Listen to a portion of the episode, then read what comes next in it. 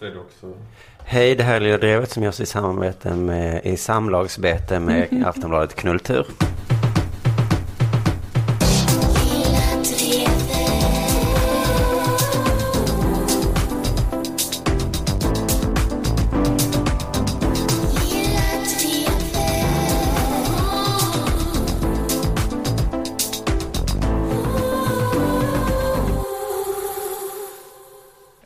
Då säger vi välkomna till det 103 avsnittet av Lilla Drevet. En podcast för Aftonbladet Kultur.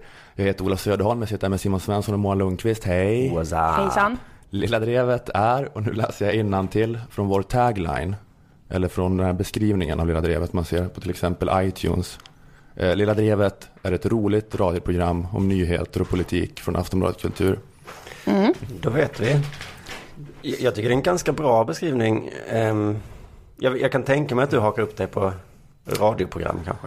Ja, jag vet inte. Jag, eh, roligt radioprogram om nyheter och politik, det är, ja det kanske borde stå podcast istället för radioprogram. Är det de äldre? Det är de som tror att det heter radioprogram. Eh, och kanske borde man ta bort roligt också. Lite stelt. Jag tänkte att signalen man skickar när man skriver eh, att det är roligt är att det kanske inte är så roligt.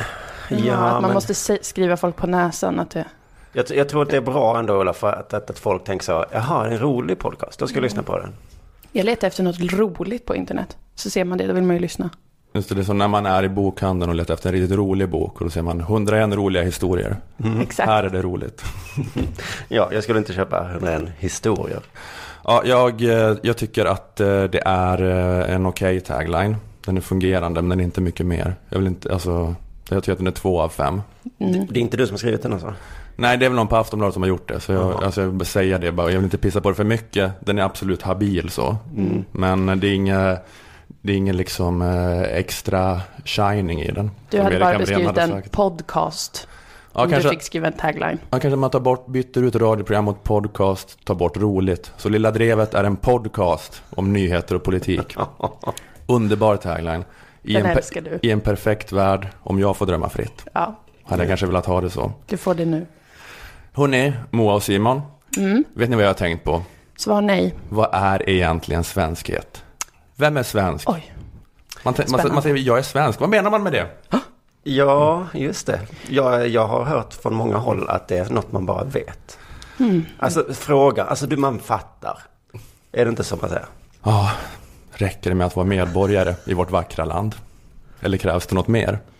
Måste man även laga kardemummadoftande recept av hjortron och lingon? Behöver man ens medborgarskap för att vara svensk? Måste man respektera allemansrätten? Måste man gilla att Om någon, kö? om någon plockar svamp på din mark, då får inte du bara skjuta dem i ansiktet, som i alla andra skitländer. För det här är Sverige, här har vi allemansrätt. Ma- måste man veta vad, exakt vad den är? För jag vet inte riktigt vad allemansrätten är faktiskt. Inte jag heller, men jag känner att jag tror att jag vet Jag det. tror att man får tälta. Du får tälta och plocka bär och svamp överallt utan att någon får skjuta dig i ansiktet. Utan då att någon skjuter. Som det är i alla andra länder. Ja. Det är det man får lära sig i Sverige i alla fall. Så om man inte gillar att tälta så har man inte så mycket nytta av allemansrätten. Nej. Nej, men jag vet inte, men det är bara viktigt ändå för våra nya svenskar. Att eh, här får du inte skjuta någon bara för att den går in på din mark och plockar Nej. svamp. Nej, just det. Så åk hem till där du kommer ifrån ifall du vill göra det. Hårt. Ta dina seder och bruk och åk hem med dem. De hade ett sånt här program på P1 i veckan. Va? Nu? Men det här har vi ju diskuterat i hundratals år. Det kan Plock- aldrig ta Plockade slut. P1 upp den nu? Du lyssnar på Sveriges Radio P1 som ställer sig frågan när är man svensk och hur blir man det? Jag kände mest bara, gud vad skönt. Mm. Det kände att det behövdes ett sånt här program till. Där, vi, där olika människor verkligen får prata om vad svenskhet är för dem. Va, va, va? Jag vill höra alla de här insikterna en gång till. Vi behövde lyfta den här frågan igen. jag skulle... Bara höra allt det där. Jaha, vad säger du Alexandra Pascalidou? Är det som att här i Sverige är du grekisk? Men när du är i Grekland, då säger alla att du är svensk. Jag ville bara höra det där, för att- det ska få sägas en gång till. Jag I skulle- kulturprogram i public service. Jag skulle vilja veta vilken tid och vilken dag det är P1. För P1 har så olika ansikten tycker jag. Morgnar är oftast bra. Eh, Efter, eller söndag eftermiddag är oftast jättedåligt. Det här var eh, eh, såhär på Studio 1 vikarie var det. Alltså Okej. Studio 1 är på eftermiddagen men så var det påsk. Så då hade de helgspecialer. Okej, så då under Okej. slotten när det brukar vara bra ändå liksom. Ja, Då jag brukar eh, ratta in och eh, bespetsa mig på lite Jörgen Wittfeldt magic. Just det. Och så var det något jävla program om svenskhet. Det var någon jävla vikarie för något jävla produktionsbolag som... Eh, Men det var lite speciellt med det här programmet. För programledaren för Jag ska bli svensk, Hette det det? ja det heter så, Jag ska bli svensk, alltså den som var på jakt efter sin svenskhet, den som skulle bli svensk. Det var en sån programledare. Snujen. Ja men ni vet det brukar ofta vara det, en som är, går runt och letar efter svenskheten. Och den här gången var det den här kända skådespelerskan. Det här är Amanda Oms. Du lyssnar på Jag ska bli svensk. Amanda Ohms. Hon ska bli svensk. Ha, Jag vågar inte säga nu, men visst är hon... Eller nej, jag- nej jag säger ingenting. säg har- inget Simon. Hon har en holländsk förälder. Okej. Och det kan jag säga till dig direkt Amanda, om du lyssnar, din smutsiga halvholländare, att du kommer aldrig i helvete bli svensk. Inte med det sinnessjuka efternamnet. Över min döda kropp. Hur fan skulle du kunna vara svensk? För att du är född här, en katt som föds i ett stall är väl för helvete inte en häst. För att du är hälften svensk. Det finns inget hälften svensk när den andra halvan är holländare. Du är inte svensk, dina barnbarns barnbarn kommer inte bli svenska. Med holländare gäller det one drop rule. En droppe holländskt blod. Jaha. Och du är en lortig holländare och inget annat. Nej, Jag skulle ju veta hur hon äter sina pannkakor. Om hon gör det på det holländska sättet eller på det svenska. Gör de det på ett uh, vidrigt sätt? Ja, de har lite äckliga pannkakor. Eller hon känner inför tulpaner. Ja, de är svårassimilerade på så vis. Ja, Det går inte att banka ut tulipankänslorna ur dem. nej. Ja men då har du svarat på. Ja, jag har sagt, jag har sagt nej. då är det klart. Hon säger, jag ska bli svensk, Men- säger nej. Men frågan var väl hur hon skulle bli svensk va? Ja, precis, det är det hon undersöker. Men det jag tänkte säga också är att man får ju inte ont i magen för att man skriker blir en katt som föds i ett stall, en häst, till en halvholländare. Och det är ju ett tecken på att halvholländare inte är rasifierade, som det heter. Det är ett test man kan göra för att ta reda på om någon är rasifierad. Om du Ja, ja. misstänker det, prova skrik, du är inte svensk, en katt som föds i ett stall är för helvete inte en häst till den personen. Känns det lite olustigt att skrika så, då beror det på att personen är rasifierad. Just det, men nu var det bara lustfyllt och Ja, härligt. det var, det var skojigt och uppenbart skämt. Skrattade hysteriskt. Åh, skönt. Man kan bara stå och skrika sånt här, skrika sig högröd i ansiktet mot Holland, halvholländarna. Man kanske framstår som socialt inkompetent och känner sig, att det känns fel på det viset, men man, man känner inte att man begår ett hatbrott. Man kan vifta med handen framför näsan så här när man går förbi. Inget, inget konstigt. Nej, det är en väldigt safe, ironisk rasism man kan hålla på med. Det blir inga missförstånd. Men det här programmet då, eh, Jag ska bli svensk, det är upphängt på en konkret grej. Eh, att Amanda Ooms ska få ett dubbelt medborgarskap. Okej. Hon har varit eh, nederländsk medborgare hela tiden. Men nu ska hon få ett svenskt Har pass. aldrig varit svensk medborgare. Nej, hon har till och med haft ett Jaha. eh, nederländskt pass. Så nu ska hon få eh, dubbla medborgarskap. Och det är bara en formalitet. Det är inga problem så. Får hon ha en svensk förälder? Ja, hon har bott hela livet och ingen visste eh, förrän vi har det här radioprogrammet att hon hade holländskt påbrå. Hon skulle klara ett språktest. Men det är ändå ett eh, spännande tillfälle att få fundera över det här med identitet och känsla av tillhörighet. Just det. Så men det, det är bara något när Amanda Ooms går på den här identitetsjakten. Det är något som skaver lite när hon till exempel träffar Mustafa Jan, journalisten med kurdiskt ursprung. Och att de ska prata om sina erfarenheter. Du vet, våra erfarenheter. Jag är holländska, har jag sagt. Och det har jag varit stolt över. Liksom, i, och, och liksom använt som... Jag erkänner på ett otroligt fånigt sätt. Så där, när jag var tonåring så var det liksom... Jag är, liksom, jag är inte svensk. Varför var du... Varför var du mån om att inte vara svensk? Ville du vara annorlunda? Eller ville du vara speciell? Eller varför då? Exakt så. I tonårstiden så tyckte jag att det var ett attribut som var spännande att jag inte var svensk. Varför vill eh, du inte vara svensk? undrar Mustafa. Eh, Och Amanda svarar för att det var ett spännande attribut att jag var holländska. Det var det för Amanda Ooms i tonåren. Alltså Amanda Ooms då, legendariskt snygg och cool, var ihop med Joakim Tåström.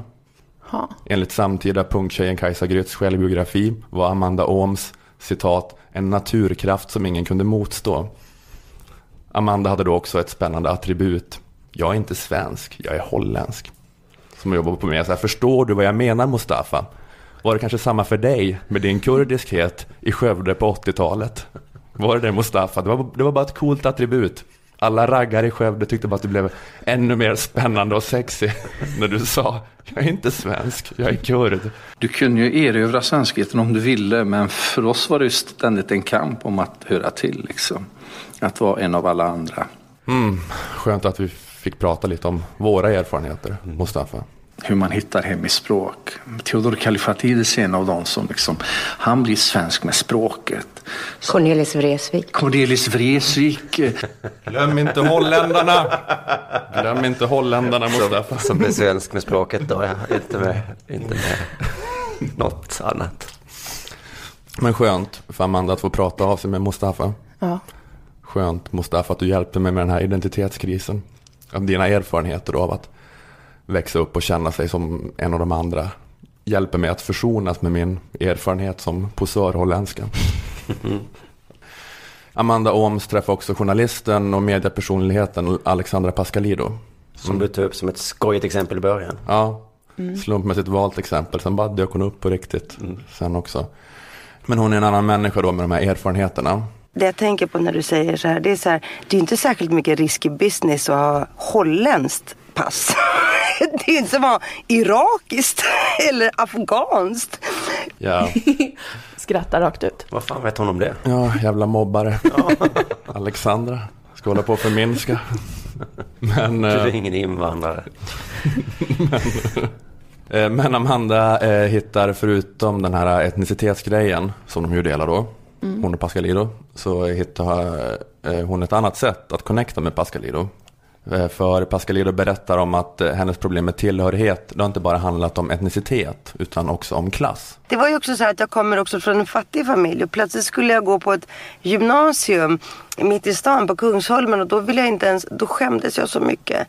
För att vi inte hade råd med någonting och för att mina föräldrar inte var fint klädda och allt möjligt. Så för mig, de här krockarna handlar inte bara om kultur och, och olika nationalitet. De handlar också om klass. Förstår du? Så det var så... Jag fattar. Åh nej, Skådespelarrösten. åh nej, Amanda fattar igen. Det här bådar inte gott. Hon fattar precis. För Amanda kontrar då eh, med en egen eh, gripande berättelse om eh, klassångest. Om när hon under en tid bodde i Holland hos sin farmor och farfar. Jag blir ju bortskickad till min farmor och farfar som då var liksom fisförnäma. Och jag ville vara punkare så jag hade mina punkkläder i garaget. Så jag gick ut i plisserad klänning på frukost, gick ut i garaget, satte på mig punkkläder och gick till skolan. Och så bytte jag om innan jag gick tillbaka till dem. Så jag gjorde reversed. Ja, Det är också, det är också en erfarenhet. Ja, vad skönt för Amanda och Alexandra att få prata om gemensamma erfarenheter av klassångest. Jag förstår din smärta av att vara ett Rinkebybarn med fula kläder som åker in till innerstan. Precis samma man känner som överklasspunkare. jag fick också byta kläder. Och bara hallå, jag är punkare. Jag vill appropriera den brittiska arbetarklassens klädstil och min farmor bara fult. Och jag bara klassförakt. Du har slagit upp ett sår i mig farmor. Så kommer ge mig en livslång känsla av att inte räcka till. Precis som för dem från Rinkeby. Ja, men det är bara intressant, det är samma sak två gånger om. Så här att, aha Mustafa, du växte upp med en annan etnicitet. Jag tyckte också att det var ett coolt attribut med en annan etnicitet när jag var ung. Så här, aha Alexandra, du växte upp med billiga och fula kläder. Jag tyckte också att det var ett coolt attribut med billiga och fula kläder när jag var ung. Vi behöver inte hänga upp oss på den här skillnaden mellan att kunna så här, välja en identitet och vara dömd till den för mycket. Utan ändå stark erfarenhet vi delar. Har du inga ben? Jag vill också åka rullstol. Så då lånar jag en ibland. Det är, Jag vet precis hur det är. Ja, men, ehm, ja, men det, det tycker jag ändå är fint att man kan mötas och inte hänga upp sig för mycket på den där. Precis, Skillnad. dela, dela erfarenheter med varandra. Det är vackert. Du var dömd till det, jag valde det. Men det är ändå en stark, gemensamt. stark erfarenhet vi delar. Jag hoppas att framtiden aldrig stoppar mig vid någon gräns. Jag önskar djupt att varje levande människa ska få tillhöra ett land där de kan fånga berättelserna, språket, tillhörigheten. Starkt. Ja.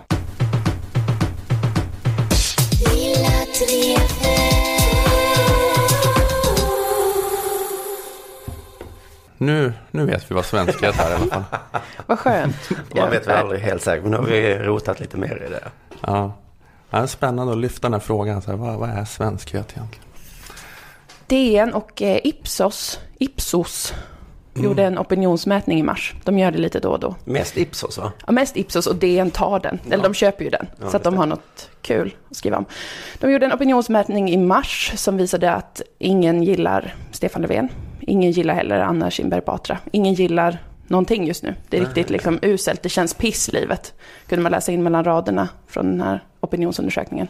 Det, det är lite tråkigt det där, jag vet inte om jag har sagt det förut, men eh, med eh, dokusåpan Svensk politik, att när jag var liten minns jag att det alltid var att man kände att vissa kändes lite så starka och karismatiska för att de hade medvind. Att antingen gick det bra för högern eller vänstern. Ja. Så att man kände så här att nu har Ingvar Carlsson lite pondus eller nu har Carl Bildt lite pondus. Men nu är det ju som att det är ju bara Sverigedemokraterna det går bra för så länge. Så att alla andra tappar hela tiden. Så man bara så här, de är bara sådana deppiga förlorare som man tappar livslusten av. Då, Det är allihopa riktigt, hela riktigt tiden. tråkig stämning faktiskt. Det är väldigt, eh, det var deprimerande rubriker. Sorgsna, sorgsna bilder på Stefan Löfven som satt med ansiktet i händerna och undrade vad fan är det frågan om. Det är sån buffé utav eh, Ior-bilder på Stefan Löfven. Mm. Det är de enda som kan tas på honom. Det är så här krissiffror för, på Socialdemokraterna. Han är så himla bra på att ge dem för många möjligheter att laborera med Han har, olika no, bilder. han har tre olika Ior-poser som de fotar.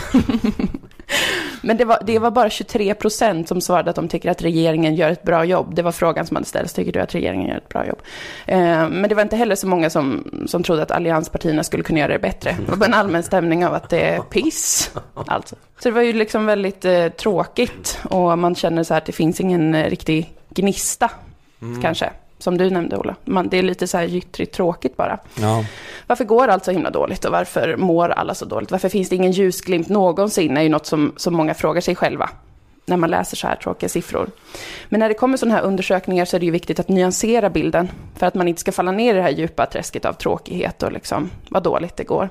Och det tycker även många socialdemokrater med mig, att kom igen, nyansera bilden lite. ja. Ta in helheten för guds skull, man kan inte stirra sig blind på en sån här tråkig siffra, 23 Många- procent. Många socialdemokrater håller med dig om att man inte ska säga att de är för dåliga, Nej, Socialdemokraterna. precis. De är helt med mig på det här. Och jag har hittat ett perfekt exempel på varför det inte är så dåligt i Sverige som man kanske kan tro. Men det finns ju flera, flera saker man kan säga. Men jag har eh, ett specifikt exempel som jag tycker visar mer än någonting på att det går rätt bra för Sverige. För verkligheten är ju inte så där svartvit va? Utan nu ska vi se hela bilden. Man kan vända lite på perspektiven. Och då ser man en helt annan bild av läget i Sverige idag. I veckan så kunde man höra ett program på radio om ett fenomen som växer i Sverige. Och det är detta. Andreas är en så kallad prepper, vilket innebär att han på olika sätt har förberett sig för om en samhällskris, naturkatastrof eller krig skulle drabba Sverige. Förr ansågs människor som bunkrade konserver och fotogen inför världens undergång som eh, udda och konstiga. Men sedan några år tillbaka så har intresset för prepping ökat allt mer. Antalet människor i Sverige som själva förbereder sig på en samhällskollaps eller krig eller naturkatastrof ökar. Vilka fantastiska nyheter känner man ju då. Herregud, nu vänds perspektiven. Det är svårt att vara en dyster kvist när man hör det här. Regeringen har uppenbarligen gjort ett underbart jobb. Livsgnistan hos människor i Sverige lyser starkare än någonting annat. Till varje pris vill folk överleva. I Sverige. Ja, men de har brandat om sig till prepper. Till Precis. skillnad från, var- är inte detta en foliehatt eh, egentligen samma sak? Sur- survivalists heter det i USA, där det här är ännu vanligare fenomen. Survivalister kan man kalla dem på svenska. Då. Men folk har alltså upplevt en större vilja att överleva, till varje pris egentligen. Inte ens en zombieapokalyps kan få folk att känna att nej men nu ger jag upp. Nu har det faktiskt gått för långt och är för deprimerande. Nu dör jag. Inte ens det. Istället så förbereder sig människor på att kunna leva länge och mot alla odds. Och den typen av gnista tycker jag, den ska man inte underskatta. Nej, Det är otroligt. Det måste vara Socialdemokraternas förtjänst. Att människor absolut inte vill dö. Utan att, de människor köper konserver kämpa. och vapen. Men jag vill också överleva, men jag tror inte jag har den gnistan. Ja, hur gör man då när man preppar? Du får väl eh, konservera saker mycket och sånt. Måste jag ha ett rum i någon källare eller något? Ja, du För måste ha förråd och liknande förstås. Det kräver många år Ja. av liksom förberedelser, självklart. Och sen beror det på vad det är du ställer in dig på ska hända. Om du tänker att det är liksom ett elavbrott eller en isstorm eller en zombieapokalyps. Det finns många olika scenarion som kan hända. Olika typer av preppers. Ja, många olika typer av preppers. Det finns, jag förbereder mig på en isstorm. Det är ganska vanligt faktiskt. Man, Eh, man, man måste ju också bli en eh, händig person. För jag, Mm. jag råkade också höra lite på det här programmet. Att de pratar om det att ingen kan ju någonting. nej, vi Alltså- förlitar oss ju så mycket på att det ska funka. Till exempel du Simon, du kanske bara kan eh, spela in poddar Mm. och eh, säg, hålla på med ironisk rasism på olika standup-scener. Mm. Att det är din enda expertis. Mm. Men att eh, Man måste Ja, lära man- sig bygga någonting. man måste uppvärdera det här med att vara den här händige mannen som kan fixa allting. Ja. Om man vill leva. Det är ju Mm. det liksom. Alltså du, om för att lära dig allt det här och för att lägga in den här otroliga energin och tiden så måste du ju vilja verkligen leva. Personligen har jag ju länge känt att, låt säga att det blir en zombieapokalyps, då vill jag ju dö. Ja. Fort som satan vill jag dö. Jag vill inte se det, jag vill inte vara med om Då, det. då tar jag hellre zombiesidan för de verkar... Ja, de, självklart. Samma sak blir det liksom en ny, ja men att eh, haven höjs. Vattennivåerna höjs, alla drunknar. Men då vill jag drunkna, jag vill vara en av de första som drunknar. Så jag slipper hålla på. Så liksom lite livsgnista har jag. Men uppenbarligen i Sverige så finns en trend av att människor har otroligt stark och får starkare livsgnista. För jag, bara, jag satt på ett tåg eh, som stod stilla i sex timmar. Mm. Och då sa de, vi har skickat efter en person som ska lösa problemet. Alla på tåget satt så här, jaha, då sitter väl jag stilla då. Det var ingen som försökte lösa det nej, själv. nej. De hade inte tillräckligt Vi med kan ingenting. fire. Liksom. Nej. Men hoppade du ut med någon skruvmejsel då? nej, för du beskrev ju mig den där jag kan göra ironisk rasism, så vad skulle jag göra? Men om tio år så kommer alla kunna laga ett tåg, för då kommer alla liksom ha fått den här ökade känslan för life och kommer kunna hoppa upp och skruva ihop. Det är ett underbart samhälle, en utopi nästan. Eh, Det här är egentligen det bästa betyget ett samhälle kan få, att vi har människor som den här. Men du har ju tagit det här lite grann ett steg vidare. Jag menar, du föder till exempel upp eh, kaniner och höns och har börjat konservera eget kött. Inget konstigt med det. Du har börjat konservera eget kött, så jävla gärna vill han leva att han är beredd att liksom ha massa äckliga kaniner och höns som han sen är tvungen att slakta och sen konservera deras små äckliga rabieskroppar. Han vill göra det. För att han vill så himla gärna överleva tack. i det här landet. Ett steg längre och blivit en bonde. Men det var någon skrytighet nästan i det där svaret. Så här. Du har lärt dig konservera ditt kött. Ja, Sån är jag. Vad ska ni göra? Jag är jag. Deal Ja. with it. Jag tycker att det är väldigt, eh, väldigt positivt. Att det här eh, är ett växande fenomen i Sverige. Och självklart skulle en negativ person kunna komma och säga att det Getting engaged is a moment worth cherishing. A one of a kind ring that you design at Blue Nile can help your love sparkle. Just choose your diamond and setting. When you've found the one, you'll get it delivered right to your door. Finding the right engagement ring can be nerve wracking. At Blue Nile, you'll have the expert guidance needed and a diamond guarantee that ensures you're getting the highest quality at the best price. Cherish all of life's moments and save up to 30% at BlueNile.com. That's BlueNile.com. det här också är ett tecken på att något står fel till. Liksom att människor slutar lita på att vi ska ha ett fungerande samhälle där, där någon hjälper en när det går fel och att det blir mer individualiserat och sådär. Men negativa människor kan ju hitta problem med allting. De är ju som programledare i det här programmet. Att intresset för prepping växer just nu har sannolikt flera orsaker. Terrorhot, klimatförändringar och ryska aggressioner spelar förstås in. Men också att Sverige idag upplevs som ett mer sårbart samhälle än förr. Vinkla PK-media håller på att vara negativ. I själva verket är det ju supertoppen vad gärna folk vill leva. Ingen vill dö fastän det uppenbarligen är så stort missnöje i Sverige. Att så otroligt många tycker att här, regeringen gör ett dåligt jobb, allt går åt fanders. Nej men se de positiva sidorna, folk vill ju leva. Mer än någonsin, man vill klamra sig fast vid livet. Det vaknar till en mardröm där Ryssland har invaderat. Det är naturkatastrof, zombies på gatorna och så säger man bara så här, nej vet ni vad, nu gör jag det bästa av den här dagen. Sådana människor har vi i Sverige just nu. som absolut aldrig tänker ge sig. För de älskar livet, de älskar samhället så fruktansvärt mycket. Och det är något vi ska tacka regeringen för. Och något som jag tror att många sossar kommer kunna peka på också nu i framtiden. Som ett bevis för att nej men det är inte så himla, himla tråkigt i det här landet. Vi har ökat äh, antalet preppers med 12 procent. Ser ni hur jävla gärna de här människorna vill leva? Leva i Sverige. Regeringen borde ha fått lite mera cred för att det är så pass låg självmordsbenägenhet bland de här människorna. Vad som helst men inte dö. Så mycket älskar folk i livet. Och det här tycker jag är otroligt vackert. Och jag brukar säga som så att glaset är halvfullt. Mm, men i detta fallet är det nästan mer än halvfullt. Att det är nästan överfullt. Det är liksom så otrolig statistik. Att de här människorna blir fler och fler. Och allt står väl till med vårt land. Känns det inte skönt? De blir fler och fler de här människorna. Och vet ni vad? Alla damer där ute, de är singlar. Det var fördomsfullt sagt. Ja, om, om, Jag jag vet ska, att ni undrar. om jag ska göra en prepperkälla så tror jag att jag har utrymme för, för en tjej också. så jag inte blir så ensam. Vilken lockande kontaktannons. Och det är så kul att de pratar om det i programmet så här att eh, förr så ansågs de som lite tokiga kufar. Ja, de som nu- höll på att bygga bunkrar med konserver. Men nu, och det är så här, alltså de är ju fortfarande åt det kufiga hållet skulle jag säga. Det var ingen källa på att det har ändrats. Det är lite som dataspelare. Förr var det sådana här finniga, nu är det vem som helst. Det är som- faktiskt Ja, inte riktigt där än. Fortfarande lutar åt det kufiga hållet. Ja, men de sa någon gång i det programmet att, att det börjar, nu börjar det bli så att man anses vara konstig om man inte är en prepper. Ja, just det. Det hörde jag på... på Och jag, det är som att när jag träffar någon som inte har byggt en bunker, när den samlar konserver och konserverar kött, att jag tänker så här, vilket jävla freak du är. Ja, men det är som Har in- du inte grävt en bunker Som inte vaccinerar sig. Men det var något, med- vad heter det här beredskapsmyndigheten som har gått ut och sagt att alla måste kunna klara sig i 72 timmar, typ ha mat och vatten för det. Då pratade de också eh, om det och att, eh, inte i det här programmet då specifikt, men de pratade om att de som inte gör det är de som är riktigt jävla sämst. Men jag känner ingen som har, eller har, gör alla det nu? Har ni dunkar med vatten och konserverat harkött? Jag kommer ska ha, eh, ha det i alla fall. Mm, och då blir det ju sant. de som inte är preppers, som är Ja, to- tokiga i skallen.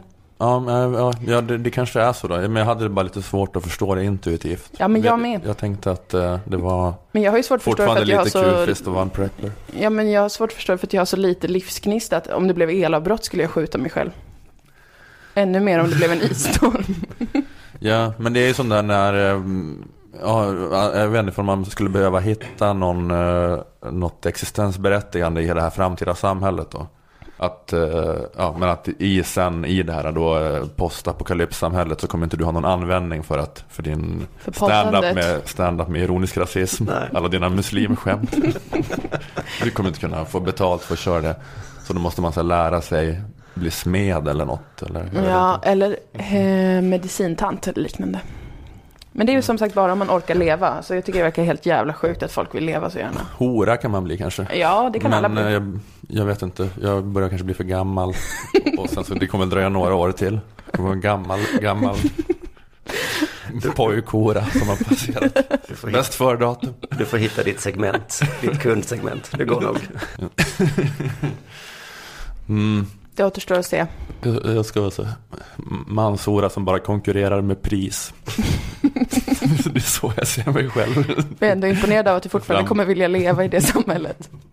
Du är en av dem som sossarna har väckt till liv.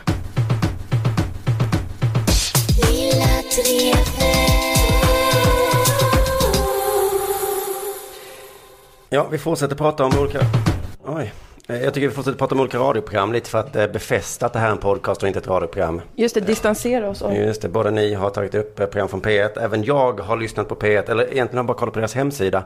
Ja. Ehm, för Studio 1 då, som du pratade om där, de hade på deras hemsida, ställde, var rubriken den här frågan.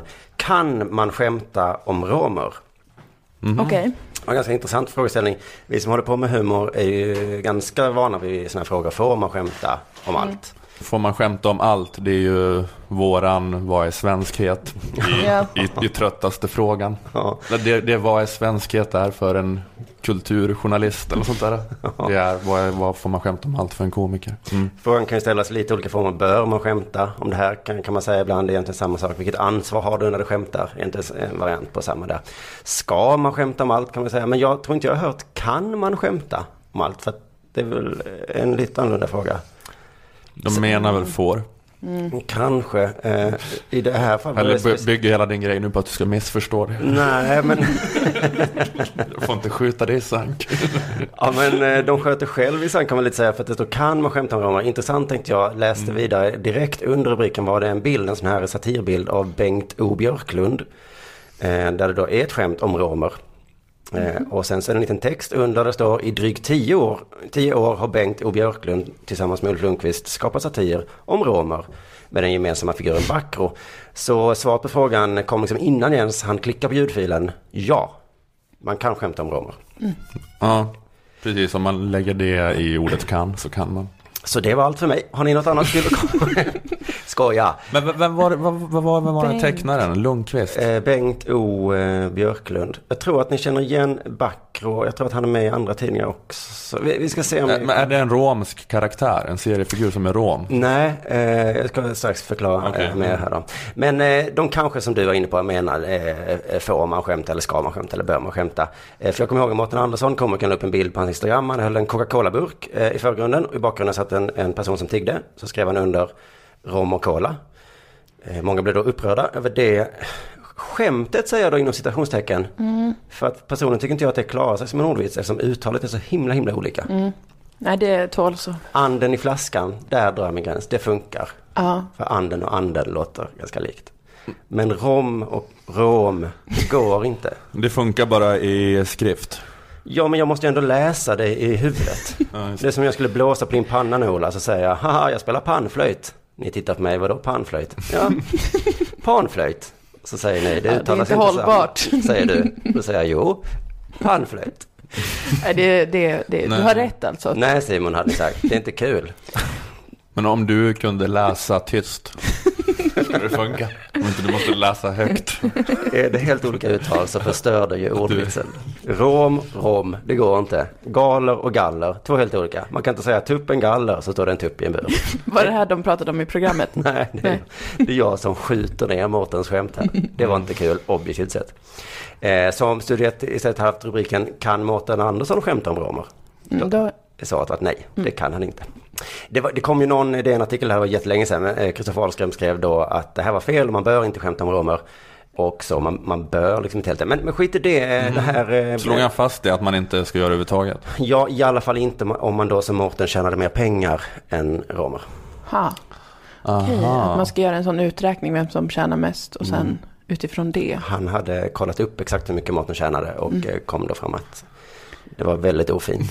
Men vi kan väl lyssna lite på det här ljudklippet då, för man är liksom nyfiken till hur de då kom fram till det här, eller vad det ens handlade om. För att visst, det låter det konstigt. Eh, Får man skämta om allt kan jag förstå, men får man skämta om romer just. Men då intervjuade de här Bengt Björklund och eh, han gör en seriefigur då som heter Backro. Eh, Vi kan höra Bengt själv berätta då om en skämtruta han har gjort med Backro. Backe försöker sälja en död häst. Alltså vi ser ju att Backro står ju framför en häst som ligger på rygg med fötterna i vädret, med benen i vädret. Och så står en bonde med plånboken öppen och ska köpa en häst. Så han ser ju lite frågande och undrande ut. Och liksom, stämmer det här verkligen? Och Backro säger nej, nej, den sover bara. Kan man skratta så mycket åt sitt eget skämt? En annan viktig fråga. Också att man har stulit av den här Monty Python-sketchen.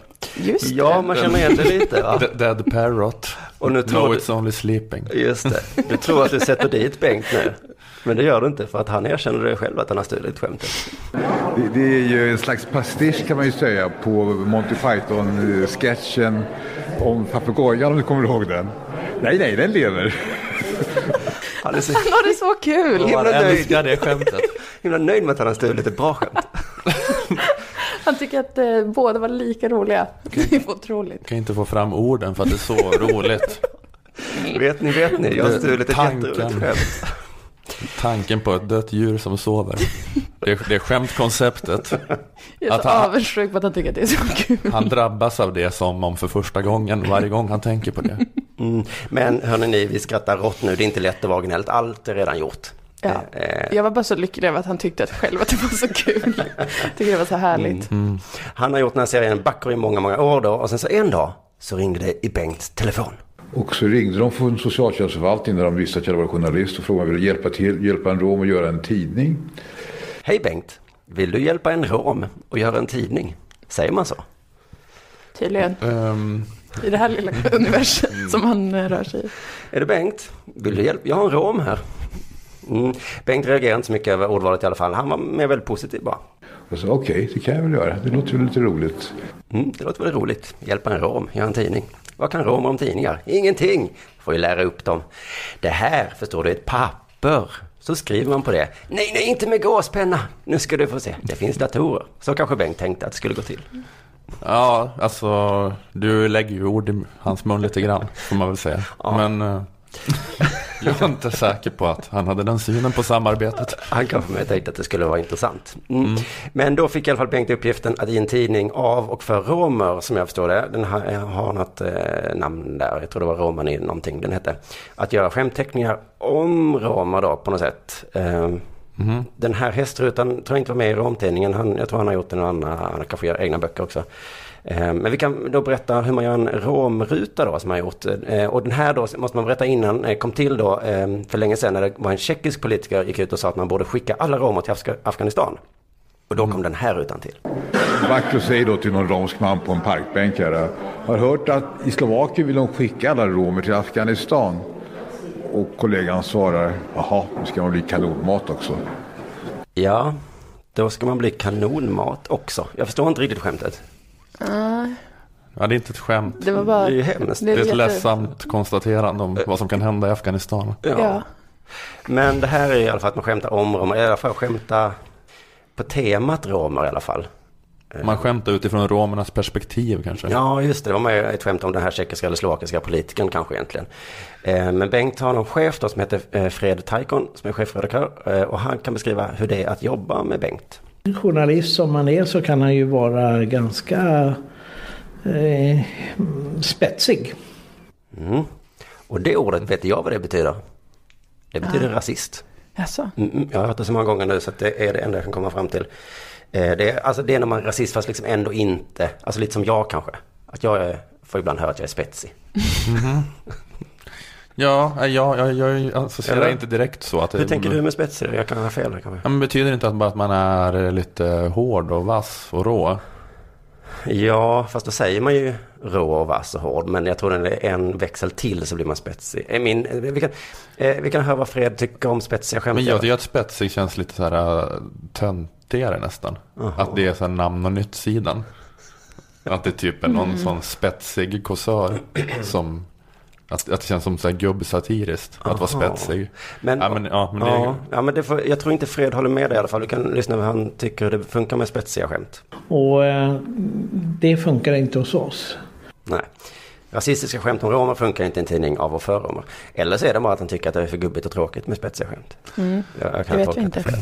nej, men, men det kanske var mer som du sa i det här fallet. Ja, jag vet ju det eftersom han också berättade sen att de har redaktion då så får Bengt skicka sina manus och så eh, eh, kollar de igenom manusen så de inte kränker någon.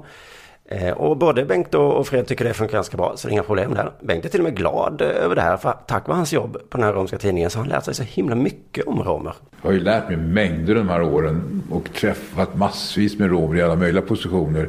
Både konstnärer, eh, politiska och folk som driver frågan framåt.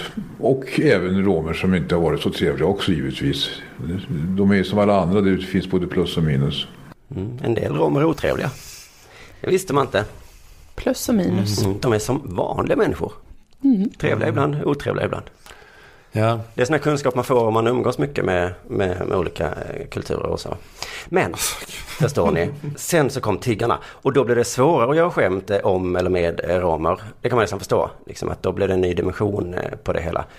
Men det här visste inte jag som han berättade då. Alltså diskrimineringen mot romer har ju liksom varit tillåten. Det har varit helt okej att säga jävla zigenare eller ser ut som hemma hos Taikon här eller, nå- eller någonting dylikt.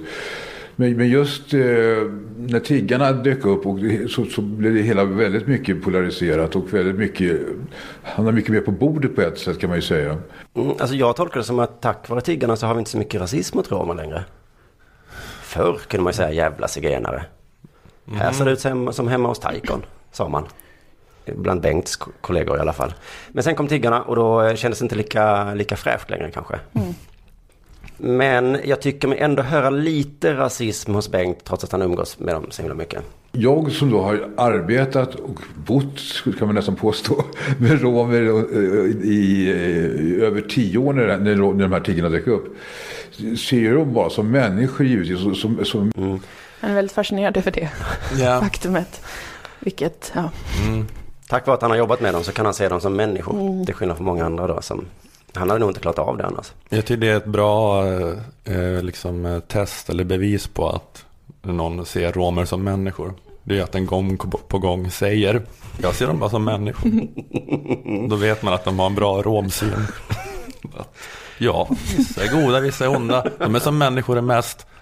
Alltså om man säger det hela tiden så Mm. är det ju ett tecken på att Det bevisar att man verkligen... man har en härlig människosyn. Just det, det, det är nästan i paritet med jag är inte rasist men. Ja men det är som att, så här att, ja, att man vet om att de som oftast går ut och säger att de inte är rasister, de är förmodligen minst rasistiska. Tänk om Bengt skulle träffa en kurd som han inte jobbat med. Vad är det här för något? Finns inga otrevliga kurder va? Kan inte tänka mig, skulle Bengt sagt. I alla fall, Bengt har hamnat eh, lite i en knipa eh, nu när det finns så många tiggare. För, eh, för det blir svårare då för honom att skämta om med romer liksom. Så då frågade P1 om man kunde göra en skämtruta om tiggare. Och Bengt tyckte att det skulle vara svårt. Ja, det är svårt att vara rolig på någons bekostnad, det får man ju aldrig vara. Utan det handlar ju om att kunna gö- göra det på ett kärleksfullt sätt i så fall. Ehm, Där håller inte jag personligen med Bengt. Det är jättelätt att vara rolig på någons bekostnad. Jag har varit rolig på Bengts bekostnad nu ganska länge. Joars. Det måste inte vara kärleksfullt tycker inte jag. Men det är min lilla åsikt, skit i mig. Eh, så här, Bengt svarar ändå eh, så här som en äkta komiker. Han känns ändå som en i gänget tycker jag när han säger så här att eh, jag skulle nog kunna göra det ändå. Eh, finns inga tabun i humorns värld. Ja, det kan jag nog göra. Vi får se, det kanske kommer en någon gång. Ja, Det, känns, det är en oerhört begränsande regel att ha för sig själv och inte sig, få göra sig rolig på någon annans bekostnad. Just det. Nej. Nej, men han Då- sa nog som eh, många eh, komiker som hamnar i trubbel säger så här att det är svårt med humor för ibland blir ju folk arga. Liksom. Och så även om man skulle göra en tiggarruta. Men då frågar vi, eh, eh, då frågade P1 kan man säga, Bengts chef eh, Fred Taikon samma fråga. Jag frågar Fred Taikon, kommer de att kunna skoja också om de romska tiggarna? Nej, där går gränsen. Nej, där går gränsen för din spetsighet. Men då ett eh, tydligt svar. Ja. Det här på kan man skämta om allt frågan. Det brukar alltid vara så vaga svar. Men eh, här var det nej. Det är tydligt. Nej men exakt ja. Eh, Nu var ju inte då Fred eh, komiker så det är lättare för honom då att säga nej men det pallar jag inte. Eh, Det, det, det är inte jobbigt för honom, han kan ju sätta stopp. Men det visar sig inte vara helt sant. För sen berättar Bengt om alla sina skämt, skämtrutor han gjort just om tiggare. Eh, Det är ett skämt som Bengt har fått igenom inte bara en gång utan eh, två, tre gånger. Kan du höra på det? Jag tror jag har gjort två eller tre sådana skämt. Den ena har det här, ramdelegationen, där står han under ett träd med massa tomma flaskor. Och så har vi den bredvid då, det är ju en typisk Svensson som är ute och vandrar. Så ser han en rom som står och spelar dragspel utanför Systembolaget. Ja just det, rom skulle jag ju köpa också. Han ser en rom. som spelar dragspel. Och tänker, just det, rom ska jag köpa. Så då får jag be om ursäkt till Mårten Andersson här då. Det funkar visst då som ordvits helt uppenbarligen. Två, tre gånger till och med har det funkat. Romdelegationen finns. En rom kan spela dragspel. Det han bara byter uttal på rom där då. Just man ska säga det för att få hem ordvitsen. Jag, tänk, jag tänkte det först, varför, varför säger han rom helt plötsligt? Ett komiskt grepp. Ja. Och jag kollar på den här bilden sen, vi kanske kan lägga upp den på någon sån eh, eh, Facebook-sida eller någonting. Att eh, när han beskriver den här personen som typisk Svensson så är ju Bengts eh, tecknarstil, eller om det är Ulf som är tecknad kanske, väldigt så här kladdig och ful, eh, alltså så här lite Liv Strömquist-stil. Så att eh, gubbarna ser ut som troll i princip. Det, den här rommen då med dragspelet ser exakt likadan ut som den typiska Svenssonen. Så där har han ju kommit undan. Han gjorde inte någon sån här horn eller någonting för att visa att det här, eller jag vet inte vad romer har för, vad vi har för Men det... Ja, du menar vad, de, vad det finns för konstiga eh, fördomar. bild som du har i ditt, i ditt hjärta av hur en rom ser Jag, ut. jag, jag hittar inte ens den, den, den rasistiska bilden. Men ja, men alltså han bara skriver manus den här Bengt. Är det, var det Lung, är det han som gör Assar? Ja, men Ulf Lundqvist, ja, sa det? så är det nog. Ja. För det är därför jag Ja, kände igen stilen. Men då är det kanske att Assa är en egen serie. Så är Och så gör de det här Bakro Bar, tillsammans. Den här romska tidningen. Så kan det vara. Men så att han skriver bara de här manusen som är då... Mm. Till Ska exempel. man bli kanonmat nu också? Mm. Drömjobbet. Ja, bara säger du. Eh, Men det är en om en, eh, de kommer ut varannan månad den här tidningen. Så att det är ju en Mm. varannan månad som ska verkas fram. Men som sagt, Mårten Andersson, jag ber tusen gånger om ursäkt. Det här fungerar. Och Kristoffer Ahlström på DN får också be om ursäkt till Mårten Andersson. För det här har gått igenom en sträng redaktion som avgör vad som är spetsigt och inte. Ro- Rom och cola är inte spetsigt. Och dessutom jättekul. I alla fall, men det viktigaste här, vi kommer fram till att man kan skämta om romer. romer. Det var ju skönt.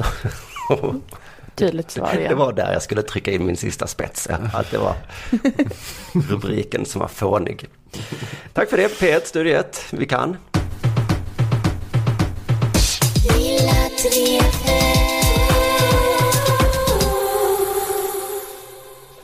Ja, det, det, får, det får räcka så här nu. Nu får det räcka. Stopp och belägg. Gå, gå ut från mitt kontor.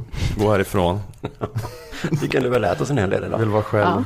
Det är viktigt att eh, vara preppig. Man kan skämta om romer och eh, svenskhet har vi lärt oss en del om i alla fall. Folkbildning. Okej, tack, tack för sammanfattningen. Tack, tack snälla. Ja, jag ska gå nu. Eh, ja, men, eh, tack så mycket Moa Lundqvist och Simon Svensson. Jag heter Ola Söderholm. Det här var en podd för Aftonbladet Kultur. Tack Little Jinder för signaturen vi ska höra igen. Vi eh, hörs igen om en vecka. Hej då! Hej då.